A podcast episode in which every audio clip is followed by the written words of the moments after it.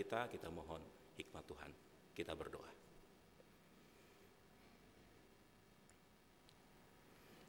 Allah yang penuh kasih di dalam Kristus Yesus, kami bersyukur atas segala penyertaan-Mu di sepanjang kehidupan kami.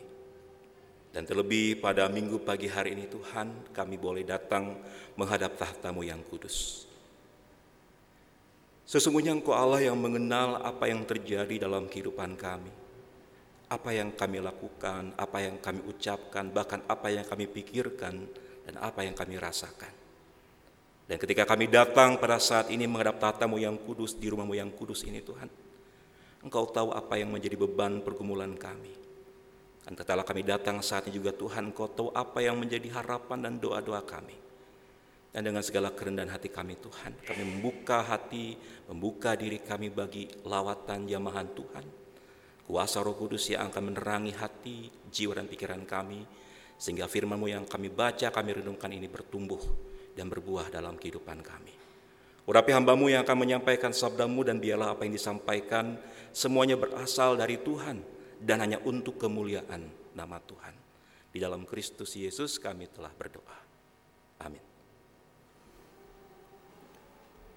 Pembacaan Alkitab kali ini terambil dari Yohanes 10 ayat 1 sampai dengan yang ke-10. Gembala yang baik, aku berkata kepadamu, sesungguhnya Siapa yang masuk ke dalam kandang domba dengan tidak melalui pintu, tetapi dengan memanjat tembok, ia adalah seorang pencuri dan seorang perampok. Tetapi siapa yang masuk melalui pintu, ia adalah gembala domba. Untuk dia penjaga membuka pintu dan domba-domba mendengar suaranya. Ia memanggil domba-dombanya masing-masing menurut namanya dan menuntunnya keluar. Jika semua dombanya telah dibawanya keluar, ia berjalan di depan mereka, dan domba-domba itu mengikuti dia, karena mereka mengenal suaranya. Tetapi seorang asing pasti tidak mereka ikuti, malah mereka ia dari lari dari daripadanya, karena suara orang-orang asing tidak mereka kenal. Itulah yang dikatakan Yesus dalam perumpamaan kepada mereka. Tetapi mereka tidak mengerti apa yang maksudnya. Ia berkata dengan demikian kepada mereka. Maka kata Yesus sekali lagi, Aku berkata kepadamu, sesungguhnya akulah pintu ke domba-domba itu.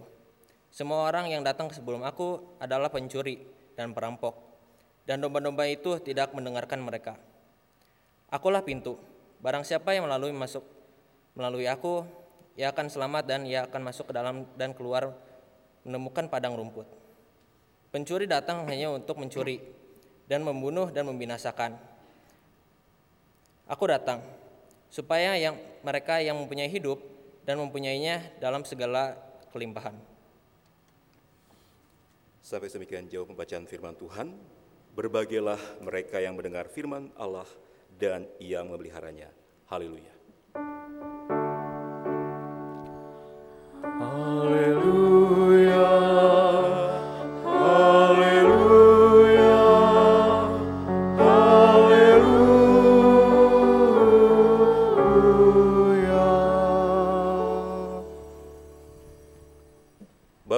Saudara yang terkasih dalam Tuhan, Sampurasun. Bapak Ibu saudara yang mungkin selama ini aktif ya di media sosial seperti uh, Instagram, uh, Facebook, atau secara khusus TikTok, pasti tahu dengan lagu yang akhir-akhir ini cukup viral. Ya. Jadi lagu ini memang uh, beberapa hari terakhir ini sering kali muncul ya di FYP gitu ya, di beranda ataupun uh, yang sering kali kita lihat di media sosial itu dan menjadi konten atau back song ya dari konten-konten yang diposting itu. Nah lagunya seperti ini, pasti Bapak Ibu tahu ya. Izin saya nyanyikan boleh ya?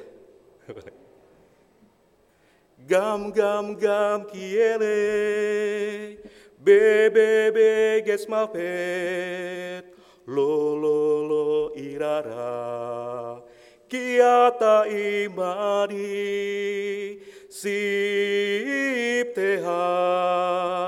umisanteha hema hema inak muni gam gam gam kiele bebebe tamafet, lo lo lo irara, kiata imari, sifteha, umisanteha, hema, hema inak muni. Ya, pasti Bapak Ibu saudara-saudara sering ya mendengar lagu itu di akun medsos. Lagu ini memang viral ya, dipakai jadi backsound misalnya orang-orang yang waktu kemarin itu mudik ya, arus mudik, eh arus mudik, arus eh, yang digambarkan begitu lancar. Tetapi kemudian lagu ini kembali menjadi viral karena ternyata ini lagu yang dinyanyikan lagu bangsa Yahudi. Ya, lagu berbahasa Ibrani. Wah makin ramai kan? Makin ramai karena, oh kita menolak bangsa eh, apa timnas Israel di eh, Piala Dunia U20 ya katanya gitu. Tapi lagunya kita nyanyikan. Dan itu kemudian jadi rame di media sosial. Lagu ini ya gam-gam kiele itu diambil Bapak Ibu Saudara dari Mazmur pasal 23 Mazmur Daud yang tadi kita nyanyikan bersama. Ya.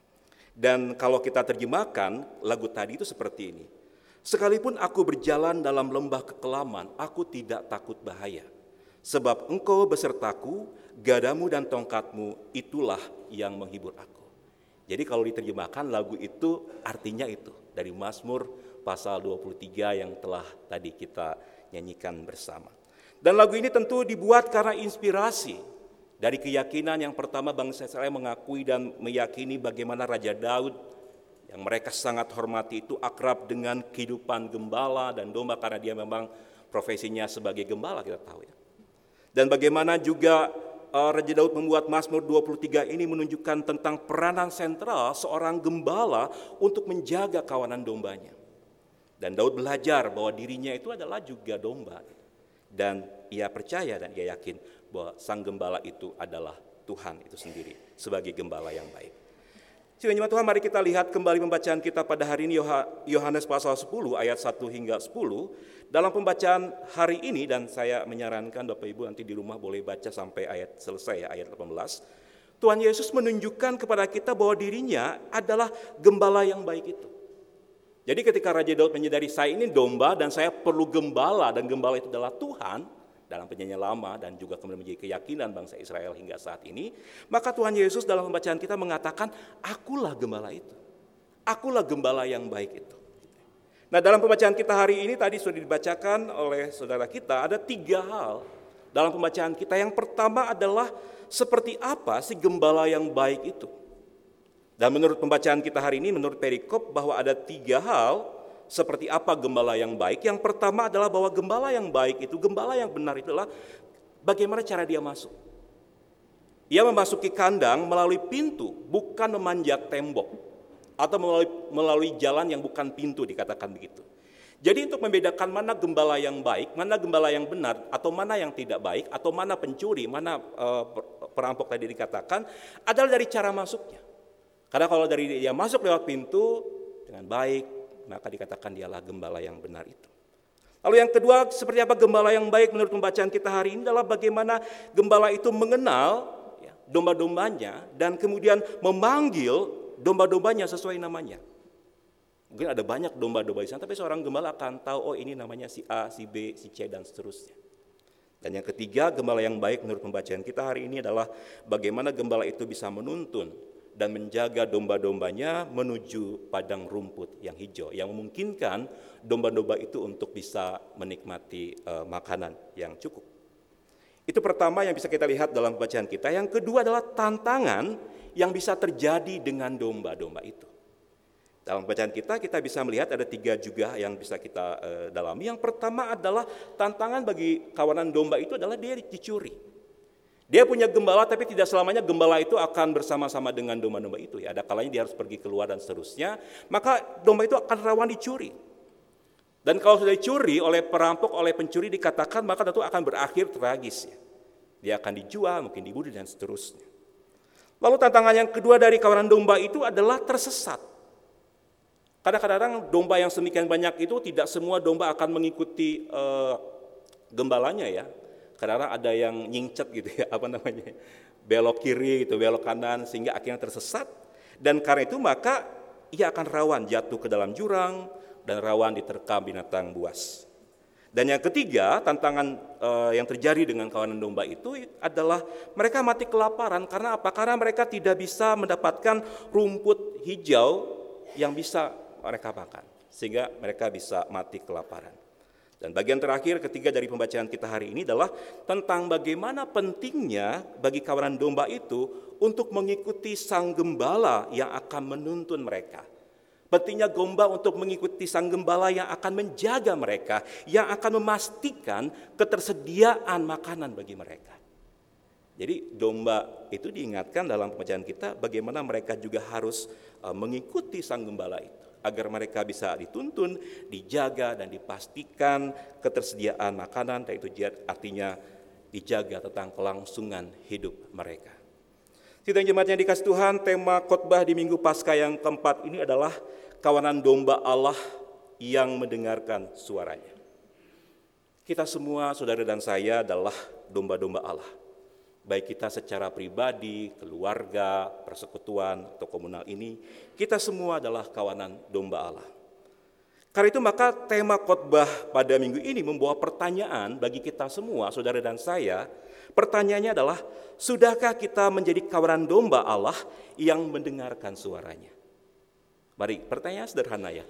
Sudahkah saya, sudahkah kita menjadi kawanan domba Allah yang mendengarkan suaranya? Sidang jemaat Tuhan melalui pembacaan kita pada hari ini ada tiga hal yang menunjukkan bagaimana seseorang itu bisa menjadi domba yang mendengarkan suara sang gembala agung, yakni Tuhan, gembala yang baik itu.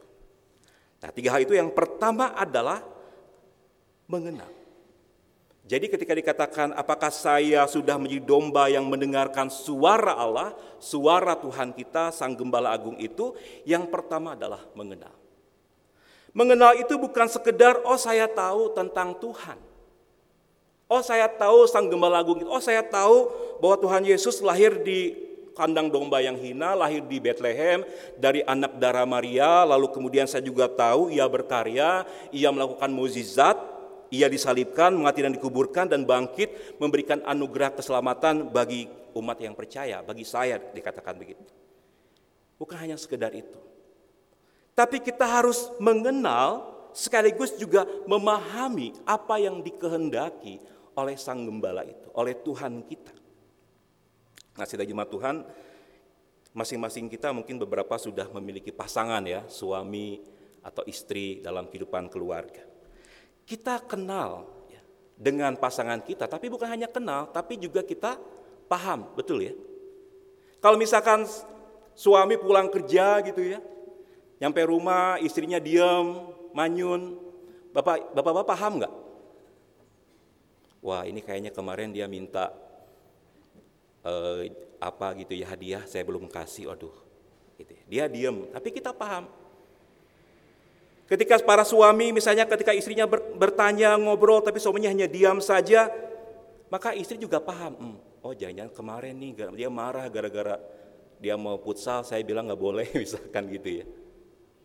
Atau para suami misalnya ketika akan pergi nongkrong dengan teman-temannya, wah sekarang kan zamannya eh, akhir-akhir ini biasanya banyak reuni gitu ya, banyak ketemuan silaturahmi dan seterusnya. Mah, aku mau ketemuan sama teman-teman SMA dulu, di mana gitu ya pasti ya. Enggak, enggak jauh itu di di Pascal gitu ya. Boleh ya, Mah? Hmm. Bapak Ibu paham nggak hemnya itu apa? paham banget ya. Atau mengatakan, Mah boleh mah? Oh boleh. Itu artinya boleh nggak? Suaminya bilang, ya boleh. Tapi langsung balik lagi ganti baju gitu ya. Nah jadi kita paham, ya suami istri paham nggak cuma kenal tapi paham dengan pasangan kita masing-masing. Orang tua juga paham dengan anaknya, anak juga pasti paham dengan orang tuanya, walaupun mungkin tanpa harus berkata-kata. Nah karena itu maka ketika dikatakan apakah kita sudah menjadi domba yang mendengarkan suaranya, yang pertama adalah bagaimana kita mengenal. Bagaimana bukan hanya sekedar kenal, tapi juga bagaimana kita paham dengan apa yang menjadi kehendak Tuhan dalam hidup kita. Ketika Tuhan misalkan persatukan kita pada dalam sebuah persekutuan, kita kenal bahwa Tuhan rindu, Tuhan eh, bersuka cita, Tuhan ingin kita semua memuliakan namanya. Tapi apakah saudara paham bahwa apa yang diinginkan Tuhan sebenarnya ketika kita beribadah? Ketika kita memuliakan namanya? Nah karena itu maka pengenalan akan Tuhan menjadi hal yang sangat penting. Mengenal Tuhan berarti juga kita paham apa yang mau dan apa yang dikehendakinya bagi kita. Dan itu terjadi jika kita memiliki relasi atau hubungan yang intim dengan Tuhan. Relasi yang yang dekat dengan Tuhan. Kita tahu, kita mengenal pasangan kita, eh, paham dengan dia karena ada keintiman, ada kedekatan personal kita dengannya. Maka dengan Tuhan pun juga seperti itu, kita akan memiliki, memahami apa maunya Tuhan ketika kita terus membangun relasi hubungan yang intim dengan Tuhan dalam doa-doa pribadi kita. Dalam persekutuan pendalaman firman Tuhan kita. Dalam saat teduh kita masing-masing. Kita akan tahu, oh maksud Tuhan tuh begini. Oh Tuhan mau kayak beribadah. Tapi mungkin bukan hanya sekedar beribadah yang formalitas. Tuhan mau saya sungguh-sungguh menyerahkan hati saya kepada Tuhan. Oh ketika saya ada masalah, Tuhan izinkan saya tahu karena Tuhan ingin saya semakin dekat dengannya. Karena itu maka ketika orang mengenal, orang memahami Tuhan, dia tidak langsung menghakimi, tidak langsung menilai sesuatu dengan cepat. Tidak dengan mengatakan, oh Tuhan nggak sayang dengan saya, oh Tuhan nggak adil dengan saya, padahal saya ini rajin pelayanan, saya rajin persekutuan, rajin PA dan seterusnya. Saya nggak pernah berbuat jahat dengan orang lain, tapi kenapa Tuhan izinkan masalah hadir dalam kehidupan saya? Karena kita nggak kenal Tuhan, kita nggak paham Tuhan. Tapi ketika kita kenal, kita paham, kita tahu, oh Tuhan izinkan masalah yang terjadi. Karena apa? Karena Tuhan sayang dengan saya. Tuhan mau saya terus membangun hubungan yang lebih dekat lagi dengan dia. Oh terima kasih Tuhan. Tuhan izinkan yang terjadi karena saya percaya di balik setiap masalah ada jalan keluar yang Tuhan berikan. Amin. Jadi kita bisa melihat yang pertama adalah ketika kita menjadi domba yang mendengarkan suara Sang Gembala Agung itu, yang pertama adalah kita mengenal dan itu artinya kita memahami apa yang menjadi kehendak Tuhan.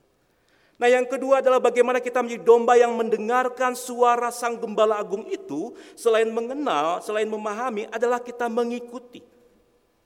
Mendengar itu berarti kita mengikuti. Mengikuti Tuhan berarti kita patuh dan setia melakukan apa yang menjadi arahan, apa yang menjadi perintah Tuhan. Mengikut Tuhan berarti kita tidak tergoda untuk lari dari Tuhan, meninggalkan Tuhan. Dan lagi-lagi era media sosial ini, Bapak Ibu yang kasih Tuhan, kalau kita tidak e, bisa pintar-pintar memilah-milah ya, ada begitu banyak informasi-informasi yang muncul. Bagaimana kesaksian-kesaksian orang yang misalnya meninggalkan Tuhan, meninggalkan kekristenan dan kemudian dia menceritakan kesaksian, oh di kekristenan itu ternyata selama ini saya salah gitu. Menjelek-jelekan kekristenan dan seterusnya. Kalau kita emosi ya kita bisa marah gitu ya dan seterusnya. Akhirnya ramelah dan perang e, di internet itu seperti itu terjadi. Nah, tetapi kita percaya bahwa ketika kita mengikut Tuhan, kita sudah mengenal Tuhan, kita sudah memahami Tuhan, maka kita akan mengikuti Tuhan. Kita tidak akan tergoda untuk lari dari Tuhan, meninggalkan Tuhan. Dan itu artinya mengikut Tuhan berarti kita mencontohkan apa yang Tuhan Yesus lakukan dan apa yang Tuhan Yesus teladankan. Apa yang menjadi teladan Tuhan Yesus yang menjadi contoh bagi kita? Maka jawabannya banyak. Ada banyak sekali. Misalnya apa? Misalnya yang pertama Tuhan Yesus pernah mengatakan bahwa aku datang bukan untuk dilayani melainkan untuk melayani. Itu artinya kita belajar seperti Tuhan Yesus ketika kita di kawanan domba Allah yang secara khusus berada di GKP Jimat Bandung ini, maka kita juga belajar di Tuhan Yesus bagaimana kita memiliki kecintaan kepada persekutuan dengan cara kita mau melayani. Kita berpikir bukan apa yang gereja berikan untuk saya, tapi apa yang bisa saya berikan apa yang bisa saya persembahkan untuk memuliakan Tuhan di jemaat yang saya layani ini. Contoh lainnya adalah misalnya tentang kasih, ada banyak teladan Tuhan Yesus tentang kasih. Tuhan mengajarkan kita bukan hanya kasih kepada orang yang baik dengan kita, tapi juga dikatakan orang yang jahat dengan kita. Tuhan katakan kalau engkau baik dengan orang yang baik, tapi tidak baik dengan orang yang tidak baik, ya apa bedanya kamu dengan orang yang tidak baik? Gitu. Karena itu maka Tuhan katakan kita pun juga harus baik mengasihi orang-orang yang mungkin menyakiti kita. Dan teladan Tuhan Yesus sangat luar biasa ya dalam uh, ibadah Paskah ataupun Jumat Agung yang lalu mungkin kita belajar juga bagaimana ketika Tuhan Yesus disalibkan, dihina, dicaci maki, dipermalukan oleh orang-orang yang mentertawakan dia. Kalau kita jadi Tuhan Yesus ya kita udah pasti berdoa, Tuhan balas sakit hati saya ini gitu. Enggak ya, tapi Tuhan mengatakan begini apa? Bapak, ampunilah mereka karena mereka tidak tahu apa yang mereka perbuat.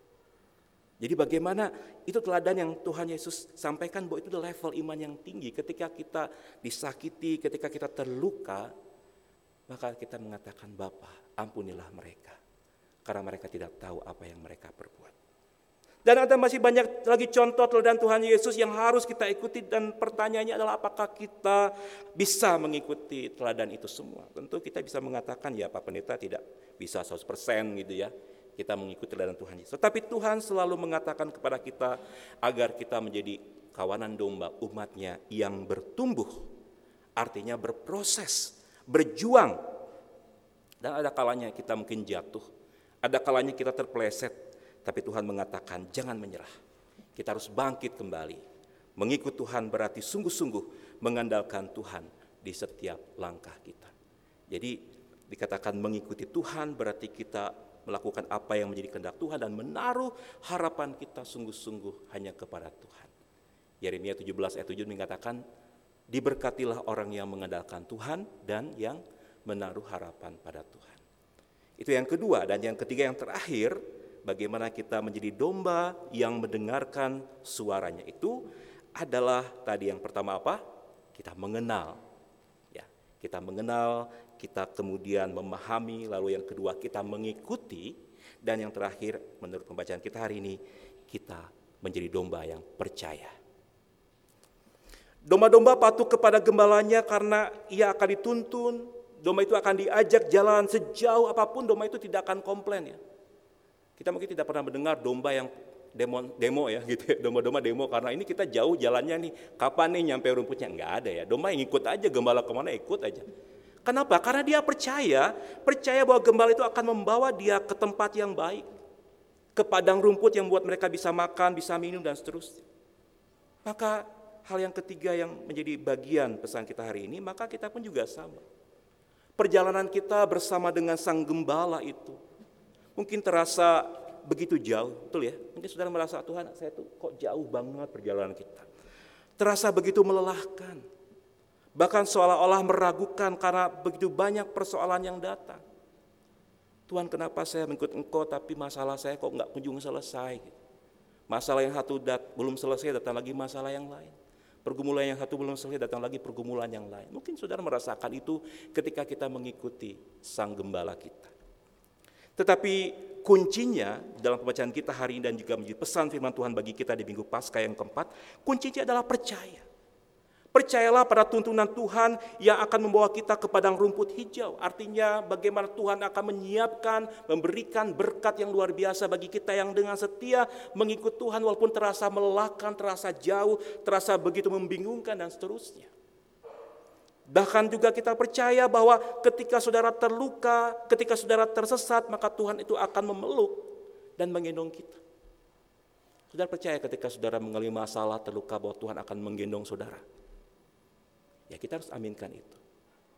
Ini cerita yang pernah kita dengar juga ya tentang jejak-jejak kaki di pantai. Mungkin masih ingat ya cerita itu. Ketika ada seorang yang melihat masa lalu hidupnya, dia melihat ada e, jejak kaki ya, dua jejak. Yang pertama jejak langkahnya dia, yang kedua jejak Tuhan. Dia lihat ada dua jejak terus berjalan dan tiba-tiba ada di masa dia sadar saat itu dia sedang kesulitan, kok cuma satu jejak. Maka dia protes kepada Tuhan, kenapa ketika hidupku sedang dalam masalah, dalam pergumulan, dalam tantangan, kok hanya satu jejak kaki? Ke mana engkau? Maka Tuhan tersenyum dan mengatakan, anakku, itu adalah jejakku. Karena pada saat itu aku menggendongmu. Aku memelukmu. Nah, sedang jemaat Tuhan, percaya pada tuntunan Tuhan berarti kita percaya bahwa Tuhan senantiasa memeluk dan menggendong kita bahkan ketika kita terluka dan tersesat. Bahkan dikatakan juga Tuhan siap berkorban, melindungi dan telah berkorban bagi kita. Seperti gembala yang melindungi domba-dombanya dari serangan pencuri dan mitang buas, maka Tuhan pun sang gembala agung telah berkorban dan menjaga serta memelihara kita. Yohanes 10 ayat 11 yang tadi belum sempat kita baca berkata, "Akulah gembala yang baik." Gembala yang baik memberikan nyawanya bagi domba-dombanya. Gembala yang baik menyerahkan nyawanya bagi domba-dombanya. Gembala yang baik memberikan nyawanya, menyelamatkan domba-dombanya. Dan itulah yang dilakukan oleh Tuhan kita, Yesus Kristus, gembala yang agung kita. Dialah gembala yang baik itu. Dan janji Tuhan serta iman kita adalah juga seperti lagu Gam-Gam Kieleh tadi ya. Dan juga Mazmur 23 yang kita nyanyikan masuk Daud tadi yang mengatakan bahwa Tuhan adalah gembalaku. Sekalipun aku berjalan dalam lembah kekelaman, aku tidak takut. Sebab engkau Tuhan Allahku selalu besertaku. Jemaat Tuhan jikalau Tuhan beserta dengan saudara, Tuhan beserta dengan kita, apa yang kita takutkan? Jikalau Tuhan beserta dengan kita, bersama dengan perjalanan hidup kita, apa yang kita khawatirkan? Kita percaya Tuhan selalu ada bersama dengan kita. Karena dia adalah gembala yang agung, yang selalu menuntun, menjaga, memelihara kita, dan menolong kita dalam menjalani beratnya kehidupan. Mari kita sebagai kawanan domba Allah tetap taat dan patuh mendengarkan suaranya dengan terus-menerus mengenalnya secara pribadi, mengikutinya dengan setia, dan percaya kepadanya senantiasa. Amin. Mari kita bersatu.